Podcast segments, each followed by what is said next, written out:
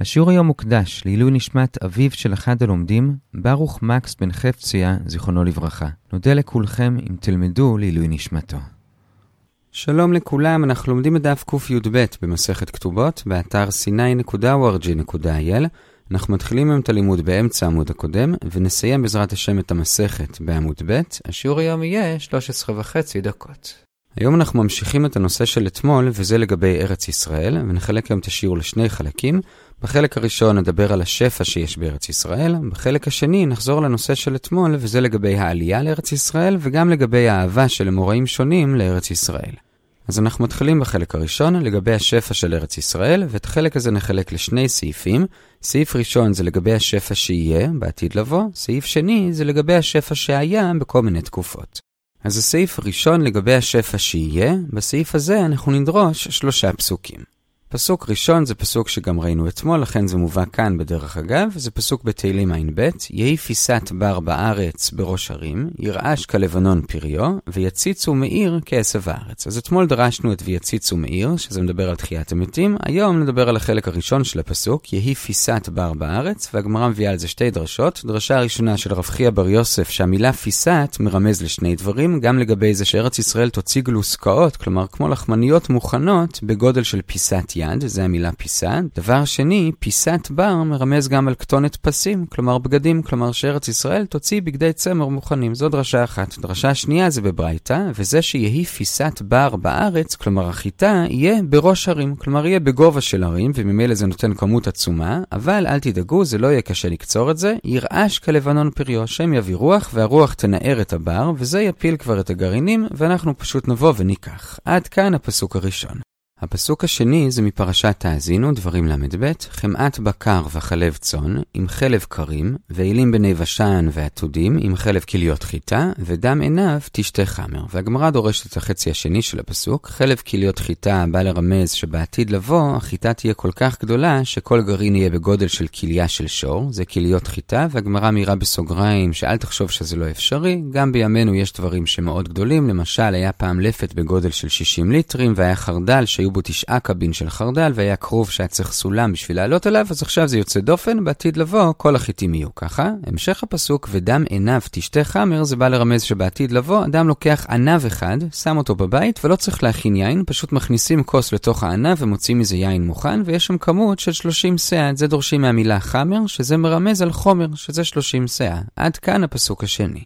הפסוק השלישי זה בעצם שני פסוקים בברכה ליהודה בבראשית מ"ט. פסוק אחד, אוסרי לגפן עירו, ולסורקה בני אתונו, כיבס ביין לבושו, ובדם ענבים סוטו. מה זה מלמד? אז אוסרי לגפן עירו, עירו זה מלשון עיר, שבעתיד לבוא נצטרך שטח של עיר שלמה בשביל להניח שם את האשכולות של גפן אחת. לא ברור לי לגמרי אם הכוונה היא שדה אחד, או עץ אחד, או אשכול אחד, בכל אופן נצטרך שטח גדול, כי יהיה המון תבואה. דבר שני, ולסורקה בני אתונו, סורקה זה מלשון סרק, כלומר גם גפן סרק, שלא אמור לתת פירות, כן ייתן פירות, עד כדי כך שהוא ייתן פירות שצריך שתי אתונות בשביל להחזיק אותם, ולסורקה בני אתונו, בני זה כמו בני, כלומר שתי אתונות בשביל להחזיק אותם. המשך הפסוק, כיבס ביין לבושו, שיהיה כל כך הרבה יין, זה יהיה כמו מים שיעשו בזה כביסה, ובדם ענבים סוטו, אז ובדם בא ללמד שהיין יהיה אדום, יהיה משובח, גם היין מאותם עצי סרק, זה לפי הגרסה של מסורת הש"ס, לא לפי הגרסה אצלנו, וההמשך, ובדם ענבים סוטו, סוטו זה מלשון מסית, כלומר שליין יש כוח להסית אנשים כי הוא משקר אותם, וגם היין הזה מאותם עצי סרק יהיה משובח והוא יוכל להרוות ולשקר. עד כאן אותו פסוק. הפסוק הבא, חכלילי עיניים מיין ולבין שיניים מחלב. אז כאן יש שתי דרשות. דרשה אחת זה המשך אותו עניין שאמרנו, שזה מדבר על השפע שיהיה בעתיד לבוא. אז בעתיד לבוא חכלילי עיניים מיין, שכל חייך שיטעם את היין הזה ירצה עוד, הוא יאמר לי, לי. זה הכוונה חכלילי. חך זה חייך, לי, לי. והמשך, ולבין שיניים מחלב, מרמז על בין שנים, כלומר זקנים. כלומר שיין יהיה טוב גם לזקנים. זה פירוש אחד. פירוש שני מדבר לא על השפע של ארץ ישראל, אלא על הקשר בין ישראל להשם, שישראל אומרים להשם, חכלילי עיניים עיניים מיין. כלומר, חכלילי זה תחייך אלינו, עיניים תחייך אלינו בעיניים שלך, שיהיה לך עיניים שוחקות כלפינו, וזה יותר חשוב לנו מיין. חכלילי עיניים מיין, והמשך, ולבן שיניים מחלב, תחייך אלינו, תראה לנו את הלבן של השיניים שלך כביכול, ולבן שיניים, וזה חשוב לנו יותר משפע של חלב, ולבן שיניים מחלב, וכך גם אגב דרש רבי יוחנן על החשיבות של לחייך לאנשים, זה הפירוש השני, ועד כאן הסעיף הראשון בחלק הזה, השפע שיהיה בעתיד לבוא.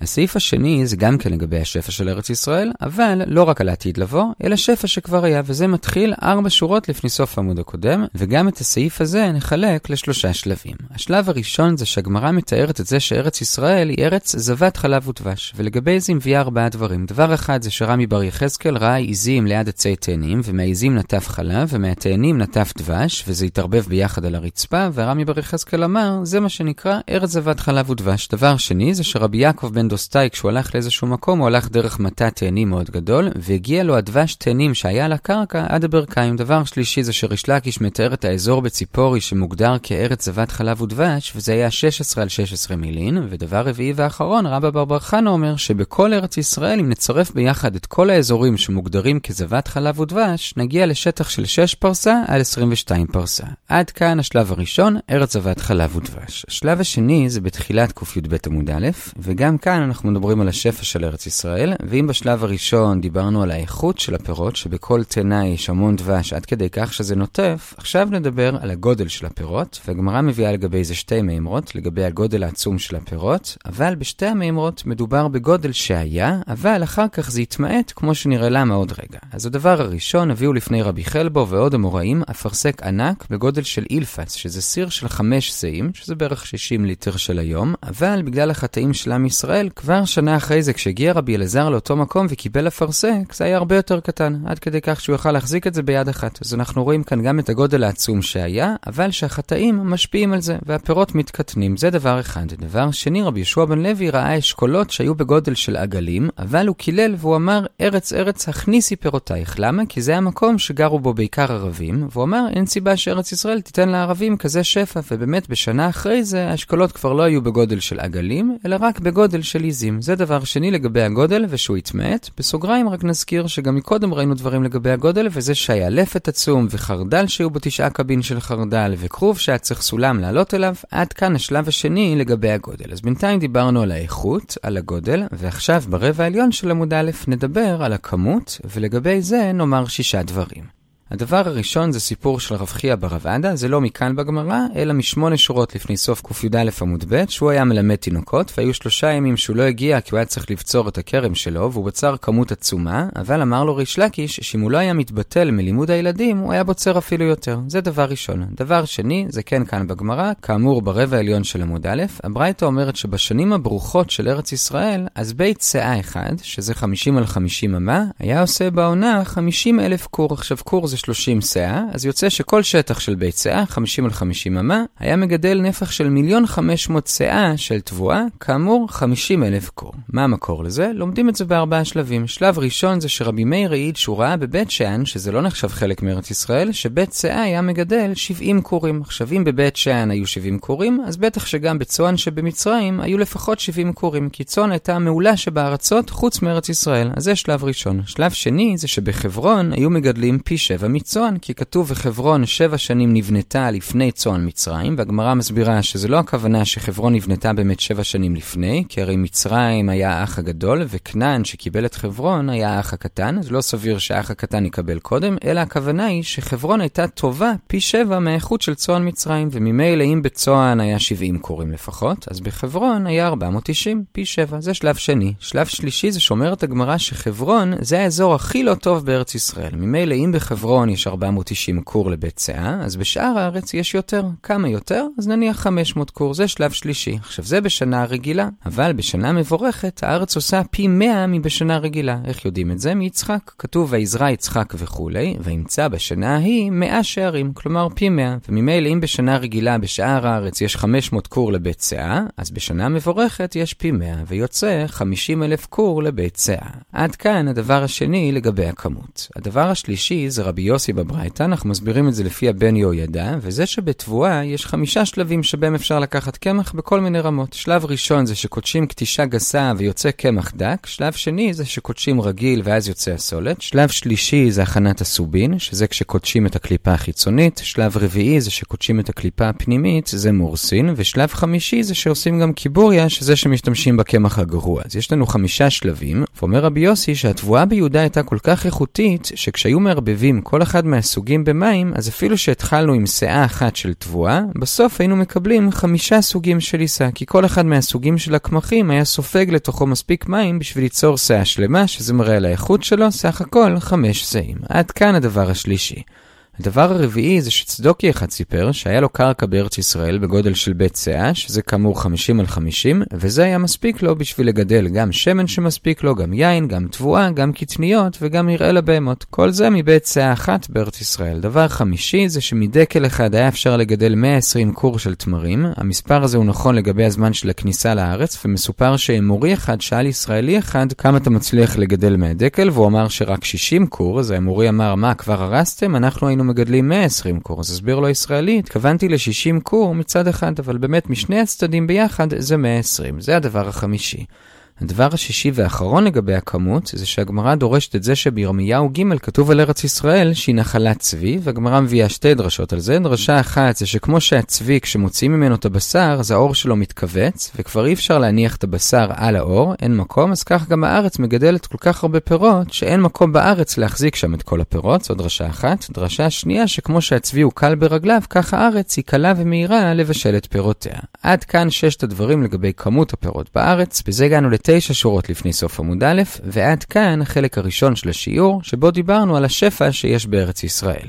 החלק השני יהיה יותר קצר, וזה לגבי האהבה של אמוראים לארץ ישראל ועלייה לארץ ישראל, ולגבי זה נראה ארבעה דברים. דבר אחד, כשעלה רבי אלעזר לארץ ישראל, הוא אמר שהוא ניצל מהקללה שכתובה ביחזקאל י"ג, והייתה ידי אל הנביאים אחוזים וכולי, ולאדמת ישראל לא יבואו. והנה הוא כן זכה לבוא לארץ ישראל, אז זה אומר שהוא ניצל מאותה קללה. אגב, בסוגריים, הוא אומר שהוא גם ניצל מעוד שתי קללות באותו פסוק, גם כתוב שם, ובכתב בית ישראל לא ייכתבו, זה אומר שהם לא יזכו לשמיכה לרבנות, והוא כן זכה, וגם זה שכתוב שם בסוד עמי לא יהיו, זה אומר שלא יזכו ללמוד את סוד העיבור, והוא כן למד אז הוא ניצל גם מאותה קללה. בכל אופן, זה דבר ראשון על רבי אלעזר. הדבר השני, כשעלה רבי זר על ארץ ישראל והיה צריך לעבור נהר, אז הוא לא רצה לחכות למעבורת, אלא הוא עבר את זה בצורה מסוכנת על איזשהו לוח עץ שהיה מונח מעל הגשר עם חבל שאפשר להחזיק פה, וראה אותו צדוקי ואמר, נשארתם עם פזיז כמו שהייתם כשקיבלתם את התורה והקדמתם נעשה לנשמה. אז ענה לו רבי זרע, נכון הייתי פזיז, אבל הייתי חייב, כי הרי אפילו משה ואהרון לא זכו להיכנס לארץ ישראל, אז אולי גם אני לא הייתי זוכה, לכן הזדרזתי מהר להיכנס. זה דבר שני. דבר שלישי, כשרבי אבא עלה לארץ ישראל והוא הגיע לאזור של עכו, שזה התחלה של ארץ ישראל, אז הוא נשק את האבנים. אחרי זה בהמשך הגמרא מסופר על רבי חייא בר גמדא, בדומה לזה שהיה מתגלגל בעפר ארץ ישראל, כמו שכתוב בתהילים, ואת עפרה יכוננו. ודבר רביעי ואחרון לגבי זה, זה שהיו אמוראים שעשו פעולות שונות בשביל למנוע הוצאת לעז על ארץ ישראל, ולכן רבי חנינא היה מתקן את הדרכים, בשביל שאנשים שעוברים בדרכים בארץ ישראל לא יתלוננו שיש בה מכשולים, ואז יוציאו לעז על ארץ ישראל, ורבי עמי ורבי אסי היו דואגים ללמד את התלמידים במקום שהוא נעים, ולכן בקיץ היו לומדים בצל ובחורף בשמש, בשביל שלא יתלוננו על ארץ ישראל שחם מדי או קר מדי.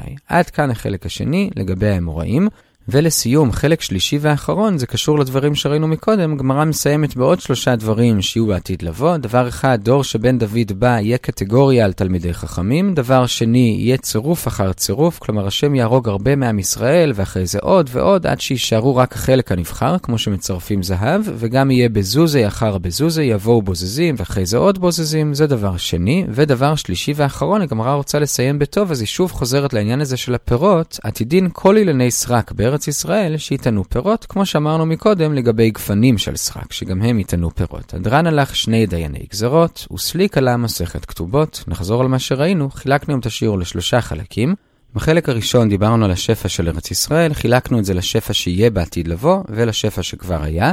לגבי השפע שיהיה בעתיד לבוא, דרשנו שלושה פסוקים. פסוק אחד, יהי פיסת בר בארץ, בראש הרים ירעש כלבנון פריו וכולי, ראינו שתי דרשות. דבר אחד, פיסת בר, מלשון זה שארץ ישראל עתידה להציג לוסקאות בגודל של פיסת יד, וגם בגדי צמר, שזה רומז לכתונת פסים. דרשה שנייה, שהחיטה תהיה בגובה של הרים, והשם יביא רוח שתקצור אותה, זה פסוק אחד. פסוק שני, מהאזינו, עם חלב כליות חיטה, ודם עיניו תשתה חמר, שהחיטה תהיה בגודל של כליות שור, ושיהיה מספיק ענב אחד בשביל לשתות ממנו יין, וזה יהיה כמות של 30 שאה. פסוק שלישי, מבראשית, בברכה ליהודה, אוסרי לגפי נירו, ולסורקה בני אתונו, כיבס ביין לבושו, ודם ענבים סוטו, שיהיה צריך עיר שלמה בשביל להניח שם אשכולות, ושגם גפנים שהם סרק, כלומר לא אמורים לתת פירות, בכל זאת ייתנו בכמות שצריך שתי אתונות בשביל לסחוב, ויהיה כל כך הרבה יין שזה יהיה כמו מים, יחפשו בזה, וזה יהיה בצבע אדום, משובח ומרווה, זה סוטו, שזה משקר, והפסוק הבא, חכלילי עיניים מיין ולבן שיניים מחלב, חכלילי זה שכל חיך אומר לי לי, ולבן שיניים זה מתאים גם לזקנים, בין שנים, ופירוש נוסף זה שעם ישראל מבקש מהשם שיתייחס אליהם בצורה מיוחדת, חכלילי עיניים שיחייך אליהם בעיניים, וזה חשוב להם יותר מיין, ולבן שיניים שיחייך אליהם בפה כביכול ויראה להם את השיניים, וזה יותר חשוב להם מחלב. אז זה שלב ראשון לגבי השפע שיהיה בעתיד לבוא. השלב השני זה לגבי השפע שכבר היה, על זה ראינו שלושה דברים. דבר אחד לגבי האיכות, שזה יהיה ארץ זבת חלב ודבש, ראינו לגבי זה כמה דברים, שהתאנים נוטפות והעיזים נוטפות, ומה השטח של האזור